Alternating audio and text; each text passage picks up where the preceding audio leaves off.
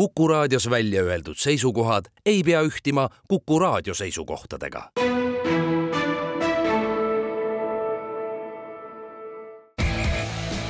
vutikohus. vutikohtul aitab pinget kruvida Pahv tere tulemast kuulama Kuku raadio jalgpallisaadet Vutikohus, mis on eetris igal neljapäeval ning mida juhivad Ott Järvela jalgpalliportaalist sokkernet.ee ja Andres Vaher Õhtulehest meie saadet saab järelkuulata Kuku raadio koduleheküljel ja äpis Player ning samuti iTunesis, Spotify's ja Postimehes spordiveebis. vutikohus võtab igal nädalal jutuks aktuaalsed jalgpalliteemad ning tähtsamad jalgpallikohtumised algab vutikohtu kahesaja kaheksateistkümnes istung ning kuigi pühad on juba väga-väga lähedal, siis Euroopas jalgpalli jagub igasse Euroopa otsa, peaaegu noh, siin meie juures praegu on natukene defitsiitsem. Äh, aga ikkagi erinevates võistlustes, äh, sarjades eelmisel nädalal mängiti rohkelt äh, kohtumisi ja nende lahkamisega me oma saadet ka alustame ning võtame esmalt ette Inglismaa mis teatavasti tegutseb tempos, kus, kus neid vabu päevi, jalgpallist vabu päevi vaata et peaaegu ei olegi äh,. alates teisipäevast, mis oli kuupäevaks, oli meil siis üheksateistkümnes kuni äh, teise jaanuarini on minu meelest Inglismaal üks, ei kaks mängu, kaks päeva, kus ühtegi Premier League'i klubide osalusel mm, peetavat kohtumist ei toimu. Äh, tõsi, ma võtan siin nüüd need liigakarika mängud ka, et üks neist on kahekümne viies detsember ja teine on kahekümne üheksas, muidu mängitakse iga päev.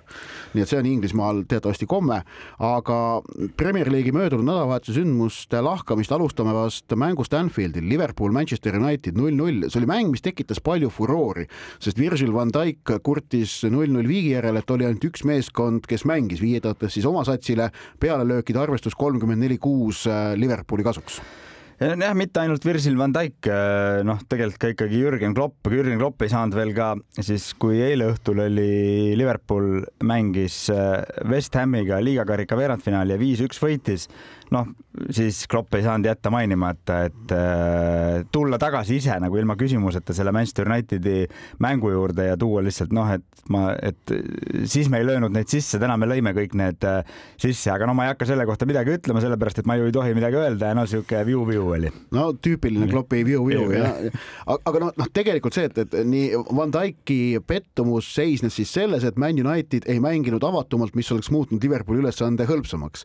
Ja noh, kõik see tulenes lõpuks tulemusest, jah, Liverpoolil oli päris mitu päris head šanssi, nad ei löönud neid ära ja null-null viik tiitlivõitluses meeskonna jaoks koduväljakul suurima rivaali vastu oli pettumus, oli, oli lihtsalt pettumus, samas kui Unitedi jaoks see kaitselahinguga võetud null-null oli selgelt selline eneseusu allikas ja, ja näitas ka selle võistkonna seismist peatreeneri Erik ten Haagi selja taga, mille osas olid tegelikult siin viimase paari nädalaga tekkinud teatud kõhklused ja kahtlused ja noh, nagu, nagu me ka siin oleme rääkinud, et, et need küsimused on, aga, aga no see on selline Liverpooli vaatest just siis võttes, see on niisugune klassikaline probleem, et oleks nad selle mängu üks-null võitnud mingi kobaväravaga, no mitte mingit juttu poleks olnud, et et noh, ja teatavasti noh, lihtsad tõed ju, et jalgpalli mängitakse täpselt niimoodi, nagu mingi meeskond tahab või oskab mängida, siis pannakse paika mänguplaan, siis viiakse see ellu või tähendab, viiakse see väljakule, kuidas see ellu rakendub, seda ei tea keegi, aga aga nagu, nagu vinguda noh, nagu tippmängijate nagu maailma tippmängijate koha pealt või treenerite koha pealt, et keegi ei mänginud jalgpalli, igaüks muidugi, mida nad, mida nad siis mängisid. ja tõsi on küll muidugi see, et Manchester United mängis seda kohtumist äh, nagu moel, mida eeldaks tabeli teise poole meeskonnalt. no jaa, aga noh, veel, veel kord noh, et kui aga no, neile see sobis praegu. No. just, et mänguplaan on mänguplaan, noh, et, et kui sa, kui, kui, kui see sinule siis antud juhul Liverpoolile kuidagi on raskem või, või ei meeldi või no, no siis ei ole see nagu mitte kellegi teise probleem kui ainult sinu enda probleem, et äh, löö ära ja asi tehtud, noh kõik. Äh, aga ei löönud ja. ja ei olnud tehtud ja seetõttu Liverpool kaotas liidrikoha Arsenalile, kes suutis kaks-null olla üle Brightonist ehk et Arsenal, kes oli eelmises voorus kuueteistkümnendas kaotanud Aston Villale, suutis naasta kiiresti äh, võidukalt. no see on olnud Arsenali tegelikult selle hooajaga märk, et nad on saanud erinevatest tagasilöökidest väga kiiresti üle. mulle väga meeldis äh, The Atletico pealkiri, selle mängu äh, ülevaate pealkiri, mis ütles, et äh, tõlgin selle praegu siis noh, maa nii-öelda kodu, kodukeeles on see natuke kohmakam, aga Arsenal muukis lahti Detserbi koodi, võiks, võiks olla ja, selle, selle tõlge, see oli hea. see on äh, kenasti öeldud jah, jah, ja. aga, aga noh, Arsenalil ähm,, Arsenal nagu liigub sellises, vaata nendest liidermeeskondadest äkki kõige sellises kindlamas tempos, et ne, neil on äh, see plaan, mida nad tahavad teha kõige paremini käpas ja selge. Liverpoolil on natukene selline tormakas see mäng, aga, aga Arsenalil paistab olevat selline suhteliselt kontrolli all ja no Liverpoolil kuidagi ma ei tea, Liverpoolil tundub niisugust nagu väga heal päeval potentsiaali olevat hetkel natukene rohkem, niisugust mingi, mingisugust võimu, on see siis ründe aga, kõigub üles-alla. ja, aga nagu... natuke, natuke ebastabiilsemad, Arsenal pisut ühtlasem noh, me jõuame sinnani, et äh, eeloleval nädalavahetusel mängivad need kaks meeskonda omavahel Anfieldil. just, et äh, no sellest tuleb väga oluline lahing, mitte punktide vaid selle vaim, vaimse initsiatiivi mõttes. igas, igas mõttes jah, ja, ja noh, kõik need meeskonnad, kes siin, kes siin järgnevad neile kahele, on, on ka oma äh, murede ja rõõmudega, üks rohkem, teine vähem, aga aga ja et, et tegelikult see, kuidas Arsenal Brightonit võitis, Brighton on teatavasti siis see meeskond, kes on ikkagi suurte hirm olnud, olnud läbi, läbi viimase paari hooaja, aga, aga selles mängus ei olnud, no oli, oli küsimus kuni esimese väravani, et, et ikkagi Arsenal oli väga kõvasti üle ja, ja, ja erinevalt siis Liverpoolist lõi oma võimalused lõpuks ära ka ja Aston Villa imelugu, imelugu jätkub, sellepärast et äh, sedapuhku oldi võõrsil vastamisi Brentfordiga, oldi keerulises seisus, kaotusseisus ja tuldi sealt välja ja võideti see mäng kaks-üks ehk et leiti taaskord moodus võitmiseks Aston Villa hooaeg, seitseteist mängu, kaksteist võitu, kaks viiki, kolm kaotust. Äh, ja nad on punktiga maas liidrist Arsenalist Liverpooliga võrdsetel punktidel. jah, et, et, et siin Aston Villale siis Brentfordi kaitsemängija Ben Mee tuli ikkagi appi, et, et seda sur-, see, see surve oli ja seda survet siis Ben Mee sai punase kaardi äh, vaatan kohe täpselt üle seal umbes seitsmekümne minuti kandi, seitsmekümne esimesel minutil. Ja pärast seda siis äh, lõi Aston Villa kaks ära, et aga veel kord, et tuli appi, aga sellised asjad tuleb ära kasutada ja, ja seda, seda Villa tegi ja, ja ja ma arvan, et, et, et kõikide nende lemmikmeeskond, kes ei ole siin ühe või teise suurema klubi tiitliheitluse rohkemal või vähemal määral pooldajad, et on on niisuguste romantikute lemmik siin praegu Aston Villa, ma arvan. ja see Ben Beam punane kaart ning sellele järgnenud lagunemine, kusjuures oli siis teist nädalavahetust järjest meil näide, kus äh, Äh, outsider, kes kodus juhtis, rikkus oma mängu ära suhteliselt mängu lõpufaasis teenitud punase kaardiga. nädal aega varem ju Crystal Palace oli kodus Liverpooli vastu samuti üks-null juhtimas, kui Jordan Aju sai punase ja Palace kaotas selle mängu üks-kaks ehk et ei suutnud vastu pidada. no okei okay,, kaks näidet on väga vähe, väga väike valim, aga, aga ikkagi noh, nende kahe näite pealt proovides mingeid järeldusi teha, siis ähm, äh, on võistkonnad muutunud äh, Äh, ja eriti tippvõistkonnad siis ikkagi oskuslikumaks selle arvulise ülekaalu ärakasutamisel. Äh, tõsi, seal ei pruugi olla mingit konkreetset võtet, mida nad platsil nüüd rakendavad, vaid lihtsalt see kuidas öelda, üldine surve, mida suudetakse sellega teha, kuna kümnekesi mängiv võistkond peab paratamatult tõmbuma madalamale, tõmbuma kokku poole ehk et seda vastupressi äh, teha sellele initsiatiivi hoidvale meeskonnale enam semavõrd adekvaatselt ei suudeta, siis see on muutunud väga äh, oluliseks äh, faktoriks. no ja väsimusaste hakkab seal mängima, et kaitsta, kaitsta on alati ju raskem kui rünnata ja siis, kui sa oled väsimus, vähemuses veel ka, on, on ikka keerulisem. aga ma arvan, et siin sobiv üleminek just, et kui me siin Crystal Palace'ist ja, ja kaotusseisudes mängimisest rääkisime, siis, siis järgmine mäng sobib, ma arvan, sinna ideaalselt. Tõepoolest, äh, Manchester Cityl oli kõik kontrolli all, äh, lõi Jack Grealish esimesel poolel värava, teisel poolel Rico Lewis lõi värava, kenasti juhiti mängu kodus Crystal Palace'i vastu kaks-üks, kui juhtus nii, et äh, Jean-Philippe Mateta seitsmekümne kuuendal minutil lõi ühe tagasi ja siis noh, rumal eksimus enda karistusalas Man Citylt ja üheksakümne viiendal minutil sai Palace penalti, millest lõi kaks-kaks viigivärava mängus, kus neil tegelikult noh, võtame jälle statistika appi, pealelöökide arv üheksateist viis Manchester City kasuks, löögid raami üheksa-kaks ehk et Palace sai raami üldse kaks äh, pealelööki sooritatud, üks neist penaltist lõi mõlemad sisse ja naasis Manchesterist kaks-kaks viigiga, aga mis oli tegelikult ilmekas näide sellest, kuidas Man City on ikkagi ebakindel, no eelmistel hooaegadel poleks olnud varianti ka, et City sellisest mängust äh, kolme punkti ei saa. ja koduväljakul veel eriti, et, et no ilmselgelt praegu asjad ei toimi. E, noh ikka ikkagi väga ebaühtlane, ebakindel on, on see, on see tegutsemine, ei ole sellist just, et kui nad siin eelmisel, eriti eelmisel, aga ka üle-eelmisel aastal olid ikkagi noh, ma nimetaks seda hirmuvalitsuseks, et meeskonnad ei, nagu kartsid kohe nende vastu, et ei olnud võimalust, isegi keegi, ma arvan, ei uskunud ka isegi suured meeskonnad, et sellisest seisust üldse on City vastu võimalik välja tulla, siis nüüd usutakse enesekindlusega või usuga on spordis võimalik päris palju asju ära teha ja ja, ja, ja ja äkki City on, on liiga enim väravaid löönud meeskond, siis ei ole sellest nende mõõdupuude järgi hetkel nagu mitte mingit tolku. nelikümmend väravat on löönud. No ja kusjuures, aga nad ei ole seal ülekaalukalt milleski nagu väga üle, et kui me võtame esi, esikuuiku meeskonnad, siis no, mõne, seal... mõne väravaga jah. jah, mõne väravaga, Arsenal kolmkümmend viis, Liverpool kolmkümmend kuus, Villa kolmkümmend seitse, Tottenham kolmkümmend viis, Newcastle kolmkümmend kuus on ju. aga see... no nad on nüüd enim väravaid, aga sellest ei piisa praegu enamaks kui neljandaks kohaks ja viis punkti liidrist maas. ja no Peep Guardiola jutt on muutunud ikkagi siin iga nädalaga üha murelikumaks, kui nüüd siin detsembrikuud vaadata, et noh, ta näeb, et asjad ei toimi ja no Manchester Cityl viimasest viiest Premier League'i mängust üks võit ainult. see oli see Luton Towni vastu. kaotusseisust jah? jah, kaks-üks, et siin on, on tulnud sisse viigid ja, ja ju ka kaotus Aston Villale. nii et Man City on omadega väikeses hädas. Tottenham suutis võtta teise võidu järjest, kui ennist oldi üle Newcastle'ist neli-üks, siis nüüd äh, võõral väljakul Nottingham Forestist kaks-null, mis tähendas ühtlasi ka, et Nottingham Foresti Äh, omanik Evangelos Marinakis otsustas vallandada peatreeneri Steve Cooperi, mehe, kes oli City Groundi staadionil palavalt, palavalt armastatud ja kes oli siis Foresti enne eelmist hooaega üldse Premier League'i tõstnud. aga nüüd sai sellel mehel tee otsa ja Nuno Espirito Santo toodi tema asemele, noh, endine Wolverhamptoni ja ka Tottenhami peatreener, ennekõike Wolvesi peatreener, aga äh, Sant-, Nuno Espirito Santol on ju väga tähtis roll Eesti jalgpalli ajaloos. ja ma tahtsin ilma sinu isegi, sinu nii-öelda siis suunava lauset seda, seda, seda tuua, et Nuno Espirito Santo oli siis jah, see mees, kes, kes Maksim Baskotsi Tottenhamis ikkagi no selgelt esindusmeeskonna tegemistesse kaasas, hea küll, see ametlik üks mäng, mille ta sai ja, ja, ja kolm ja, minutit lõpus. vähesed minutid lõpus, noh, et see on hea küll, pigem nagu tore, tore, tore statistika, aga ta oli selgelt esindusmeeskonna tegemistes sees ja kes teab, kuidas oleks, mitte et Maksim Baskotsi karjääril praegu midagi viga oleks, aga, aga kes teab, kuidas see oleks läinud, kui, kui Espirito Santo oleks Tottenhami vähe pikemaks ajaks jäänud ja aga ta käis vahepeal ära Saudi Araabias, aga nüüd on siis tagasi ja on Nottingham Foresti uus äh, peatreener. aga ikkagi ma ütleks seda, et, et jah, et, et see otsus praegu tehti, millest pikalt oldi räägitud, aga praeguse hetkega loomulikult see ei ole kaugeltki mingi lõplik tõde,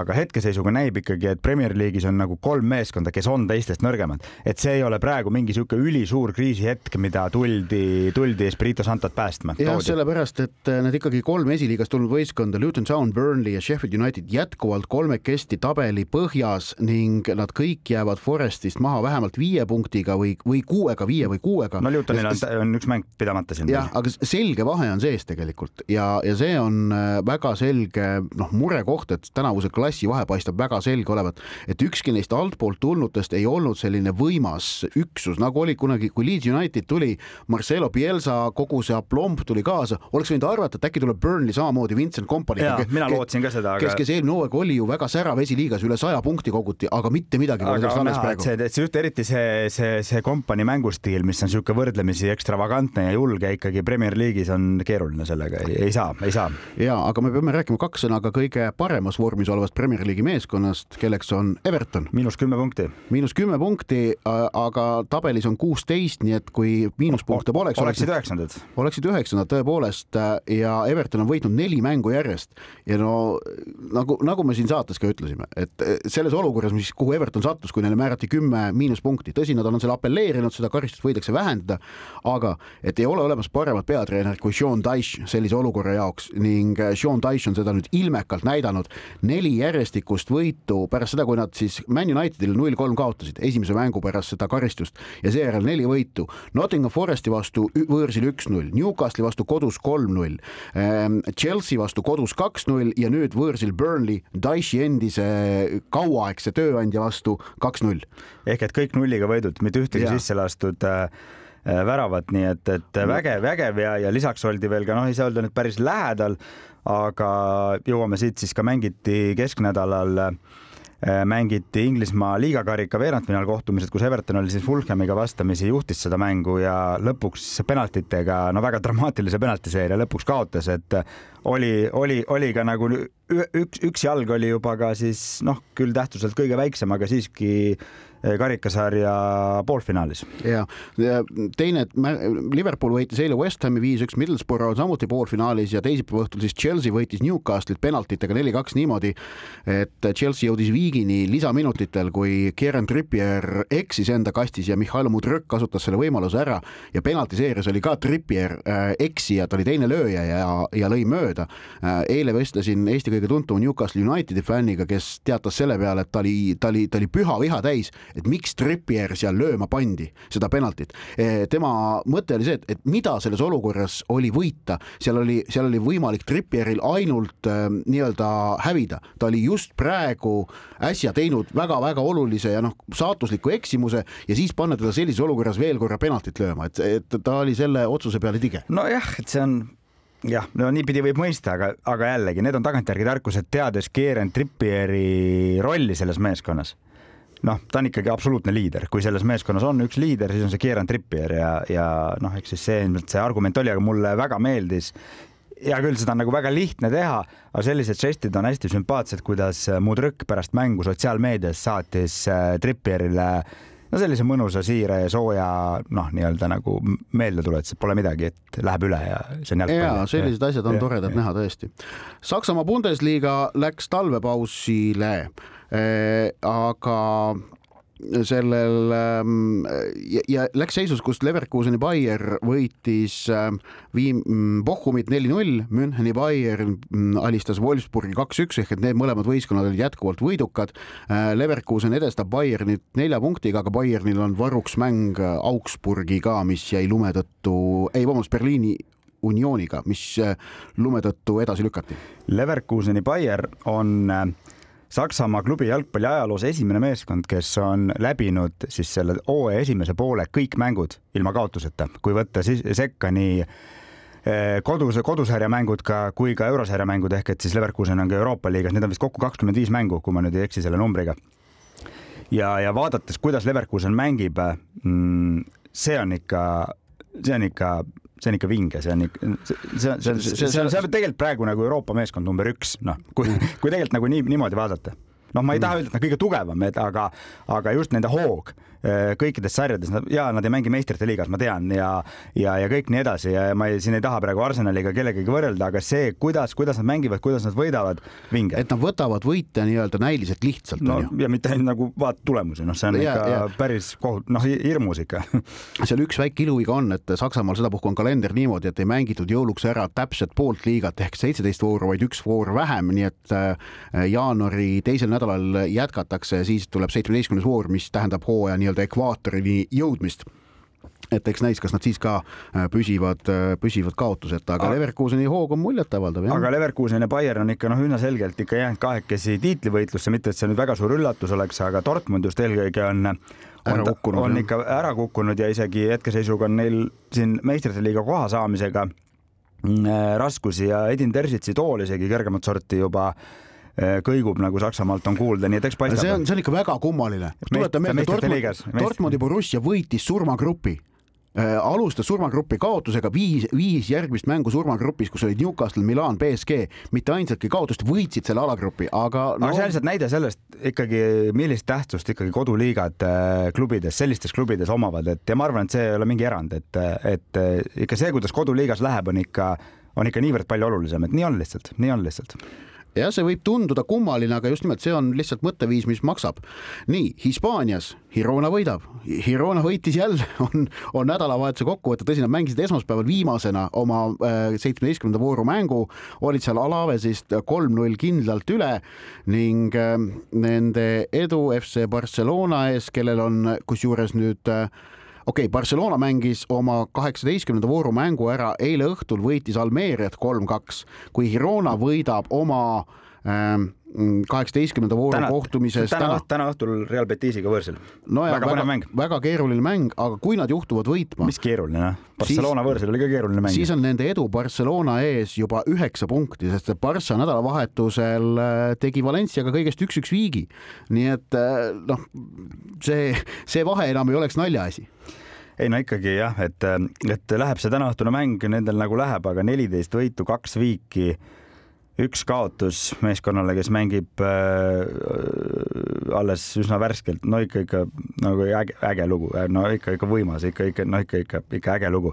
aga, aga siis Hispaanias mängiti siin meie saatetsükli jooksul topeltvoor, et äh, kõige suurem kaotaja seal oli kindlasti Madridi Atletico, kes äh,, kes siis kõigepealt jäi võõrsil Bilbaole alla null kaks ja, ja eile õhtul oskas äh, oskas äh, kolm-üks eduseisu kodus Getafe vastu kolm-kolm viigiks mängida just, Atletico on seega tabelis neljas, neil on mäng varuks äh, võrreldes Barsaga, aga kolm punkti ollakse maas. nii, ja kaks sõna räägime ka Prantsusmaast, sellepärast et seal äh, kõrgliigas jõuti samuti ähm, talvepuhkuseni, seal Prantsusmaa mängib siis nüüd kaheksateistkümne meeskonnaga kõrgliigat, täpselt nagu Saksamaa varasema kahekümne asemel pooled mängud on peetud, kõikidel meeskondadel seitseteist kohtumist peetud. et Pariis Saint-Germain juhib, ei ole üllatus, aga see, et nende edu lähimate jälitajate ees on viis punkti, selleks on Nice noh, äkki isegi väikene üllatus on. nojah, aga nüüd nad ongi läinud umbes nii, nagu arvata võis, et ju meenutame, et siin veel poolteist kuud tagasi ei olnud, ei olnud Pariis Saint-Germain isegi mitte liiga liider, et nüüd on nad ikkagi hoo sisse saanud ja, ja selles vaates see viis punkti on juba päris korralik vahe, et no eks ta vääramatu jõuna ilmselt oma teed oma teed läheb, kõik, mis toimub seal järel, on, on võrdlemisi tasavägine. Nice teine, Monaco kolmas, üllatusmeeskond Brest neljas ja nii edasi, aga, aga pigem on jah, Prantsuse liigas sihuke märksõna, et, et päris mitmed varasemad suurklubid on on, on raskustes, näiteks tükk aega oli Lyon, kes meil ju teatavasti oli siin veel aastaid tagasi meistrite liiga poolfinalist äh, lausa, et äh, on, äh, oli lausa tabeli viimane, nüüd on küll kolm mängu järjest Aleksander Lacazette väravate toel võidetud, tõustud tagumisest kolmikust välja ja siin Marseille'i ei lähe väga hästi ja Rennes'i ei lähe väga hästi, et seal on pigem, pigem Prantsuse liiga märksõna on, on, on need. vutikohus vutikohtul aitab pinget kruvida Pahv vutikohtu kahesaja kaheksateistkümnes istung jätkub ning saate keskmises osas võtame sedapuhku teemaks äh, olulised muudatused klubi jalgpallikalendris, mis jalgpallisõpru järgneva pooleteist aasta jooksul ees ootavad. õigemini siis järgmise pooleteist aasta jooksul me näeme neid äh, suuri muudatusi reaalses elus ning äh, tuleb hakata harjuma uue olukorraga. Äh, ja räägime siin siis nii eurosarjade uuest äh, süsteemist, mis hakkab kehtima uuest suvest, kui ka eelmisel nädalal FIFA poolt äh, nii-öelda lõpliku templi peale saanud äh, klubide maailmameistrivõistluste uuest formaadist. olgu öeldud, praegune klubide mm käib ka meil, et äh, Manchester City ja Fluminense kohtuvad finaalis. tavapäraselt siis Euroopa esiklubi ja Lõuna-Ameerika esiklubi. jah, aga, aga noh, see selles mingit erilist, kuidas öelda. selles ei ole põnevust. ei ole väga jah, aga, aga kuna see klubide mm ametlikult ära kinnitati kahe tuhande kahekümne viienda aasta juuni ja juulikuusse, toimub see Ameerika Ühendriikides ehk et aasta enne maailmameistrivõistluste finaalturniiri. teadlik, teadlik, valik, teadlik valik FIFA poolt, et ta toimuks nagu nii-öelda MM-i soojendusetendusena põhimõtteliselt. ja aga ma ei ole kindel, kas see edaspidi hakkab samamoodi olema, aga, aga praegu ja. küll, sest nad tahavad Ameerika turule väga intensiivselt sisse minna ja, ja sealt teenida. ma arvan, et kahe tuhande kolmekümnenda aasta MM-i eel, mis äh, tuleb, on ju Hispaania, Portugal, Maroko äh, toona ma pakun seda kahe tuhande kahekümne üheksanda aasta klubide MM-iga proovitakse hakata siis, kuidas öelda, vaigistama neid äh, pahaseid, kes on MM-ist ilma jäänud, ehk et Austraalia on kahtlemata üks väga oluline äh, võimalus. Hiina, kes on rääkinud mingil hetkel, et ta soovib ikkagi jalgpalli suurturniiri. Ehk et tegelikult FIFA tekitas endale selle äh, klubide MM-iga, kus osaleb kolmkümmend kaks koondist äh,, klubi, mitte koondist, kellest kaksteist on Euroopast, mis tähendab, et sul on olemas ka need maailma kõige tugevamad brändid, on tekitanud endale uue võistluse, millega on võimalik, millega nad teenivad esiteks palju raha, sest nende teleõiguste müük kahtlemata toob Fifale korralikult sisse, mida siis omakorda jagatakse edasi liikmesriikidele ja, ja ka klubidele, kes seal mängivad, aga on tekitanud ka siis sellise uue noh, pulgakommi mille peale kõik maiad äh, jalgpallivõistluste korraldajad ja noh, me teame, et noh, nende suurte jalgpallivõistluste korraldamine on väga paljude riikide ja ja linnade jaoks ahvatlev asi, mille peale hakatakse tormi jooksma. Ja, ja noh, sellega on ühtlasi võimalik siis ka rohkematele meeldida, sellepärast et kui seni neid äh, komme oli vähevõitu, siis tegelikult nüüd on neid juurde tulnud, kuna lisaks klubide MM-ile on FIFA valikus tegelikult nüüd väga arvestataval kohal ju ka naiste maailmameistrivõistluste finaalturniir, et kui varem oli FIFA-l ainult meeste MM, mis toimus iga nelja aasta tagant, see oli ainukene tuluprojekt, kõik ülejäänud asjad olid kulu. Siis nüüd on olukord säärane, kus lisaks meeste MM-ile on juba kasumlikuks suudetud teha ka naiste MM, tõsi, noh, veel esialgu vähe, aga no see on ilmselgelt see on tõusuteel onju ja, ja klubide MM tuleb nüüd sinna juurde ja et siis kuulajale, kes ei ole mm, nii hästi kursis sellega, kuidas siis klubide mm, eh, no mis on täiesti uue formaadiga, noh, arusaadavalt, kuna ta on oluliselt suurenenud, kolmkümmend kaks meeskonda, siis lihtne nagu nii-öelda vana MM-i formaat, kaheksa eh, alagruppi, igas neli meeskonda, kaks paremat eh, edasi. see on kõik klassikaline. noh, mis on siis tekitanud noh, paratamatult sellistel puhkudel siis vastukajasid on, on, on siis see kohtade jagamine Äh, nagu Ott juba mainis, siis kaksteist, ülekaalukalt kõige enam kaksteist äh, kohta saab, saab Euroopa siis äh, noh, nii-öelda kolme pool saab kuus Lõuna-Ameerika Lõuna saab kuus, ülejäänud siis seal vahemikus. ei no Aafrika, Aasia ja Põhja-Ameerika kõik, kõik ne, neli, Okeaania ühe ja siis üks antakse veel korraldajale.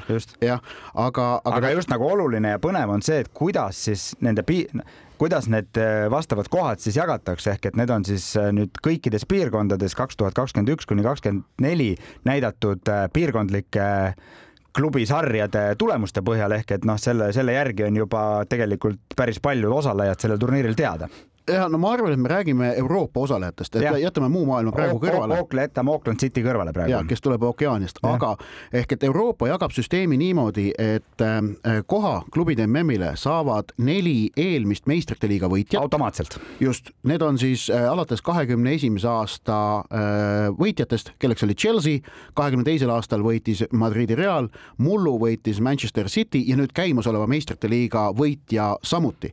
kui, kui see kattub siis, siis võetakse appi ranking, ranking. ja üle ja ülejäänud kaheksa kohta antakse siis äh, selle UEFA klubi rankingu koefitsiendi alusel, kusjuures mitte ükski riik ei saa üle kahe osaleja, äh, mis tähendab näiteks, et kui ähm, Hispaania klubidest võidaks, äh, näiteks võidaks meistrite liiga tänavu Madridi Atletico siis FC Barcelona on automaatselt klubide MM-ilt väljas. või Real Sociedad. või Real Sociedad võidab, on ka Barcelona väljas. ehk et, ehk et ja samamoodi on selge see, et Inglismaa klubidest on võimalik meistrite lii-, sinna klubide MM-ile peale saada veel ainult Arsenalil. kuna Chelsea ja Man City on meistrite liiga võitudega Inglismaa kaks kohta broneerinud, siis äh, see, see, see kvoot suureneb ainult juhul, kui sul on meistrite liiga võitjaid rohkem selle nelja-aastase perioodi jooksul, mis tähendab, et Liverpool näiteks ei saa äh, klubide MM-ile peale, mille osas nad olla olnud väga-väga pettunud. Äh, et noh, nad on, nad on selle tegelikult meistrite liigas mänginud viimastel hooaegadel noh, suures plaanis edukalt, jõudsid ju tulamulluga finaali.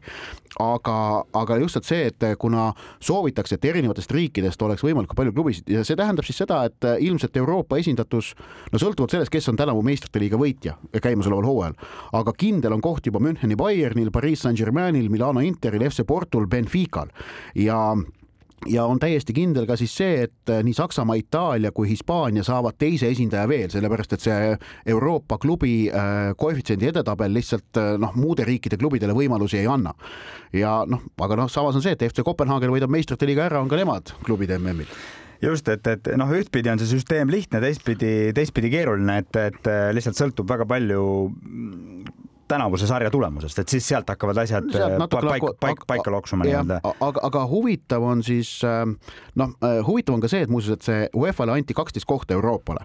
tegelikult seal natukene oli juttu et Euroopa oli öelnud, et äkki nii palju pole isegi vaja, sellepärast et Euroopa, UEFA tegelikult ei soovi, et klubide MM-ist saaks liiga võimas võistlus. jah, üks, üks pool on see ja teine, noh, paneme selle nüüd, tegelikult on see ju süsteem on ju mingit pidi eh, koondist MM-i paralleel, noh, mingit pidi. Väike, väike mudel selline, et kujutame nüüd ette, et UEFA-le pakutakse eh, riikide MM-ile eh, kohti, ükstapuha, mis see number on ja keegi ütleks, et, et seda on liiga, seda on liiga palju, et ei ole võimalik, mis omakorda viib meid siis selleni, et noh, et tegelikult ka selle klubide MM-i äh, uue formaadi aja suhtes on juba kõlanud ka erinevatel põhjustel ka väga palju äh,, väga palju vastumeelsust, noh, eelkõige siis muidugi no see vana teema, et FIFA rahaahnus, mis on noh, ilmselgelt siis selle uue, uue turniiri ajend, aga ka ka see, et, et no kui me lisame, et FIFA on ju tegelikult toonud sisse ka veel uue võistluse, noh, kuidas me seda eesti keeles nimetame, Intercontinental Cup, eks, et. no ja mis jääb siis selle praeguse klubide MM-i, kus mängivad kuue maailmajao meistrid, tegelikult selle nii-öelda, ta, ta jääb endiselt ellu, aga ta natukene väiksema formaadiga. aga ta jääb kalendrisse ikkagi no.. ta jääb kalendrisse, nii palju on seal muud, kõige olulisem muutus on, et Euroopa meistriklubil äh, sellise kahe mängu asemel, poolfinaal ja finaal, on edaspidi ainult üks mäng ehk et kõik ülejäänud viis maailmajagu mängivad omavahel nii-öelda karik karikasüsteemis välja võitja ja siis see läheb omakorda vastamisi meistrite liiga võitjaga, et UEFA-le anti otse finaali pääse. aga jah, et mis on tegelikult oluline ära mainida, et, et nüüd, kui see uus klubide mm tuleb ja kus ikkagi ükstapuha lõpuks, mis riikide, mis klubide esindajad seal on, aga ta läheb suvisesse perioodi puhkuseperiood üldiselt mängijate jaoks äh, ja pikk turniir, mitte mingi sihuke käkukas, nagu on see praegune, äh, praegune mm ja, ja noh, mängijad ega siis seeläbi klubid ehk nende tööandjad ei ole nagu just koormuse mõttes, mis on jalgpallikalendris niigi praegu probleem, äh, nagu väga rahul ja no,. klubid on klubid ju tegelikult no, no, klubid, no klubid saavad raha, eks on ju, aga. sest seal räägitakse, et see osalus nii-öelda noh, kuidas öelda, boonus selle turniiri eest on klubide jaoks circa viiekümne miljoni kandis no. ja, ja see aga... on, see on väga kõva raha. jaa, aga no kas, kui suur näiteks äh, motivaator on see, no näiteks no eliit ja rikaste klubi, noh näiteks Manchester City jaoks, noh et kaheldav. ma, ma arvan, et on, sellepärast ma arvan, Manchester City, hakkab mõtlema, mille pärast Manchester City projekt ellu on kutsutud. see on ellu kutsutud, et, et maailma domineerida ja see on, ma arvan, neile võimalus, ma arvan, et ma arvan, et klubid ei kurda selle üle üldse. praegusel klubide MM-il,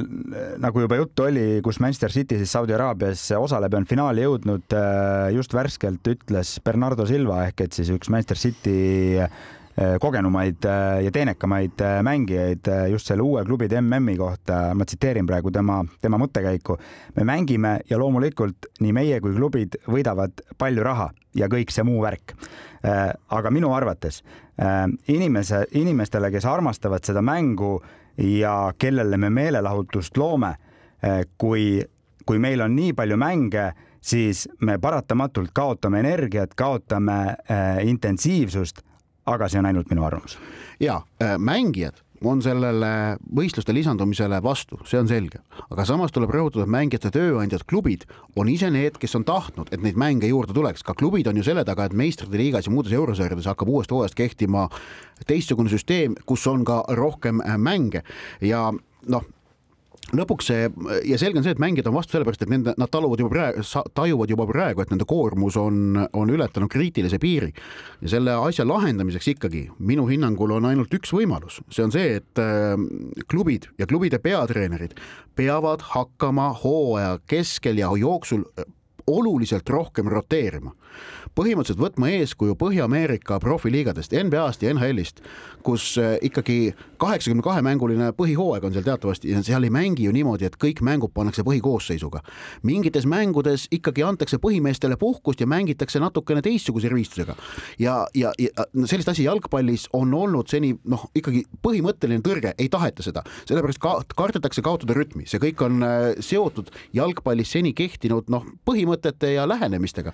lihtsalt see, kes suudab esimesena eh, seda lähenemist muuta ja hakata natukene teistmoodi seda olukorda võtma, ma arvan, see saavutab selles uues olukorras konkurentsieelise.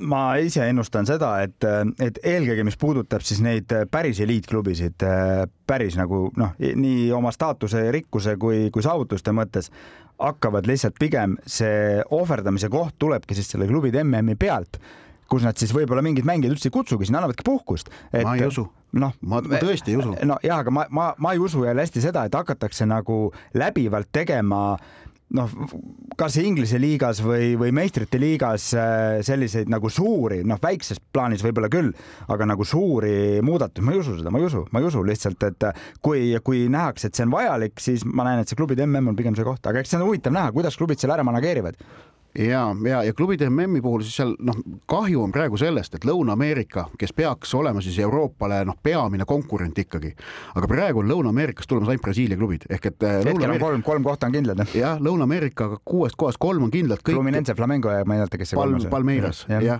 et, et sealt tuleks ikkagi Argentiina tippe on ka vaja sinna kahtlemata, et noh, Boca Juniors. no on veel võimalus, on veel võimalus. on võimalus, aga noh, see, see on üks noh, selline praegu murekoht ja siis võib prognoosida, et, et seal on antud korraldaja riigile üks koht, on ju.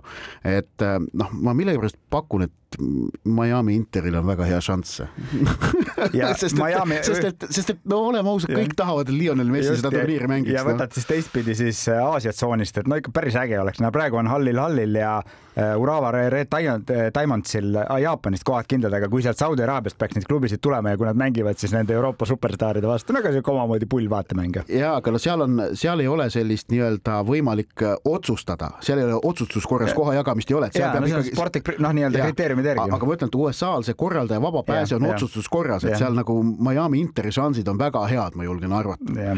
nii, aga me rääkisime põgusalt ka sellest, mis äh, meist-, et meistrite liigat äh, ootab uus formaat ja, ja tegelikult UEFA siin paari nädala eest jagas ka nii-öelda ametlikud materjalid ära, mis näitab, milline saab olema jalgpallihooaeg kaks tuhat kakskümmend neli, kakskümmend viis ehk et kuidas eurosarjade kalender jookseb ning äh, meistrite liiga ja Euroopa liiga alagrupi turniir lõpeb kolmekümnendal jaanuaril. Ehk et äh, mängitakse äh, meistrite liigas ja Euroopa liigas alagrupi turniiril senise kuu asemel kaheksa mängu ja neist mängudest kaks tükki toimuvad jaanuari teises pooles. nii et see on Euroopa jalgpallikalendri uus reaalsus. Eurosarjade alagrupi turniirid kanduvad edasi jaanuarisse.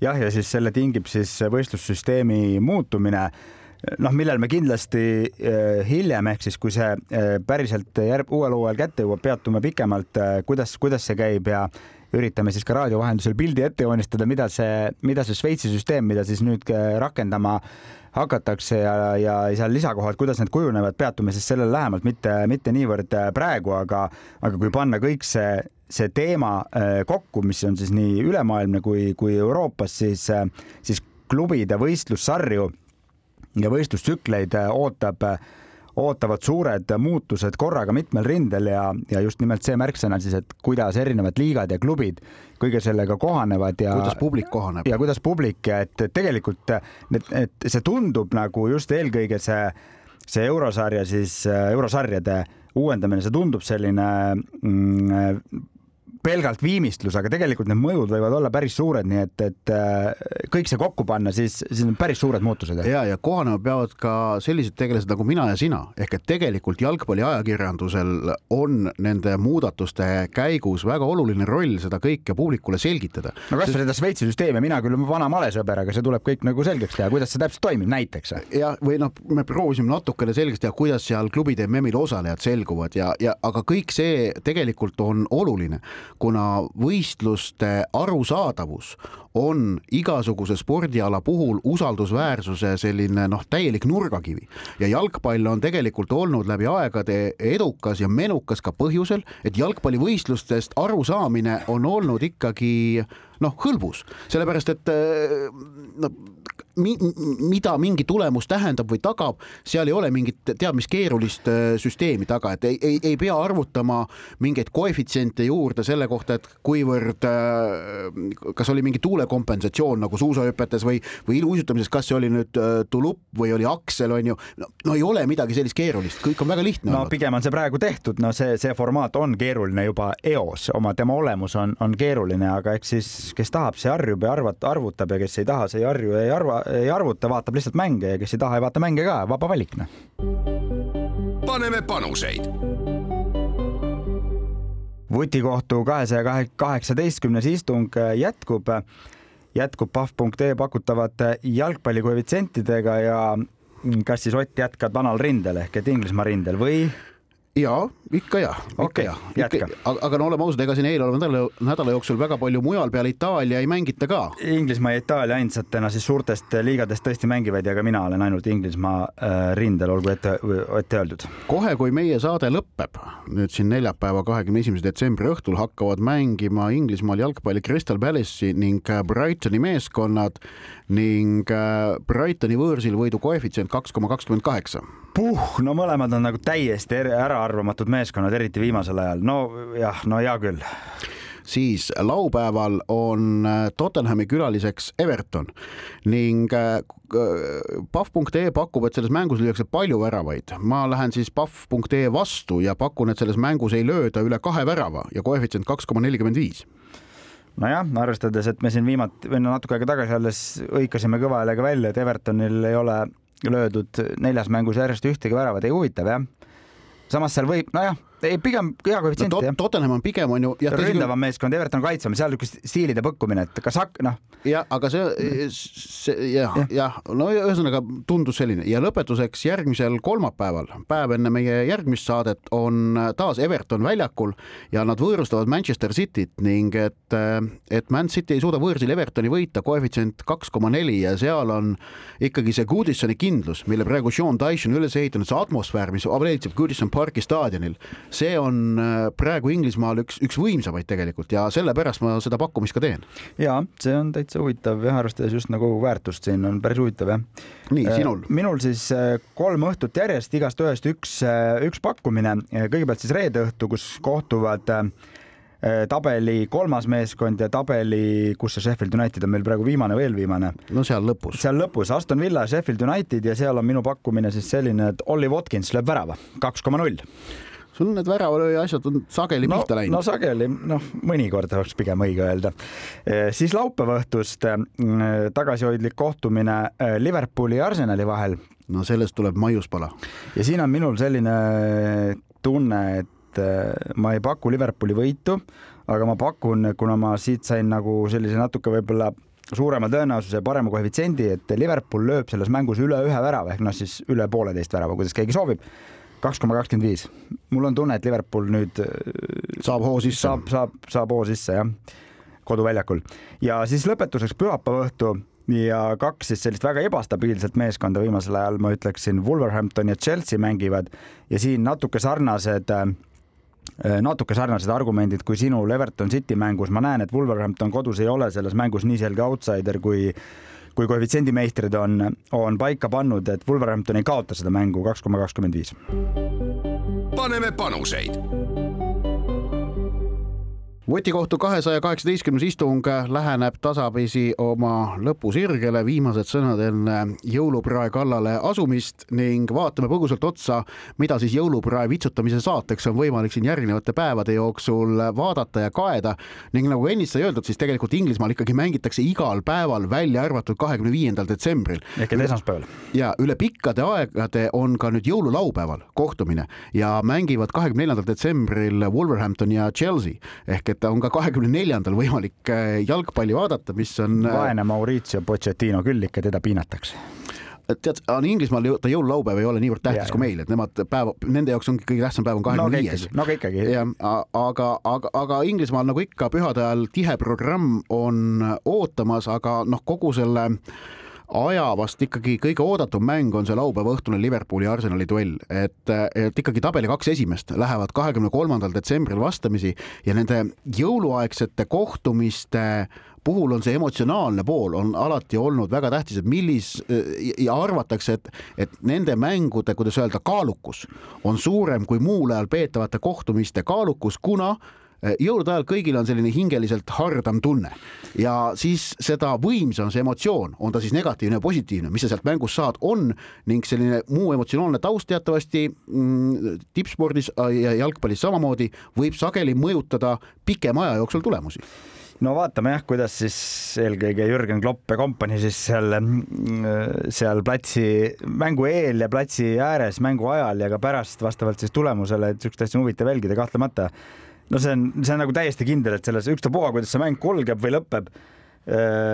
et noh, Liverpool Arsenal ei ole muidugi mingisugune selline klassik kasvõi võrreldes sellega, nagu oli siin äh, loetud, loetud päevad tagasi see, see Liverpool, Manchester United, äh, millest või, me rääkisime. või Liverpool, Man City, mis on tõusnud viimaste aastate jooksul lihtsalt number üks duelliks, kuna need on kaks kõige edukamat satsi olnud. aga siiski jah, et, et Liverpooli ja Arsenali vahel hakkab ka sihuke juba eelmisel hooajal seal üks mäng oli, kus seal läks Kloppi ja Arteta vahel klähvimiseks, et ja, ja, seal on siuksed narratiivid täitsa juba olemas. ja praegu on see narratiiv ja see duell eriti tähtis põhjusel, et noh, kõik saavad aru, et Manchester City on sel hooajal haavatav. kui äh, eelmisel hooajal sellist nagu siirast tunnet tegelikult ei tekkinudki. Äh, või no okei okay,, Arsenal hoidis seda pikalt elus, aga noh, kevadel ikkagi noh.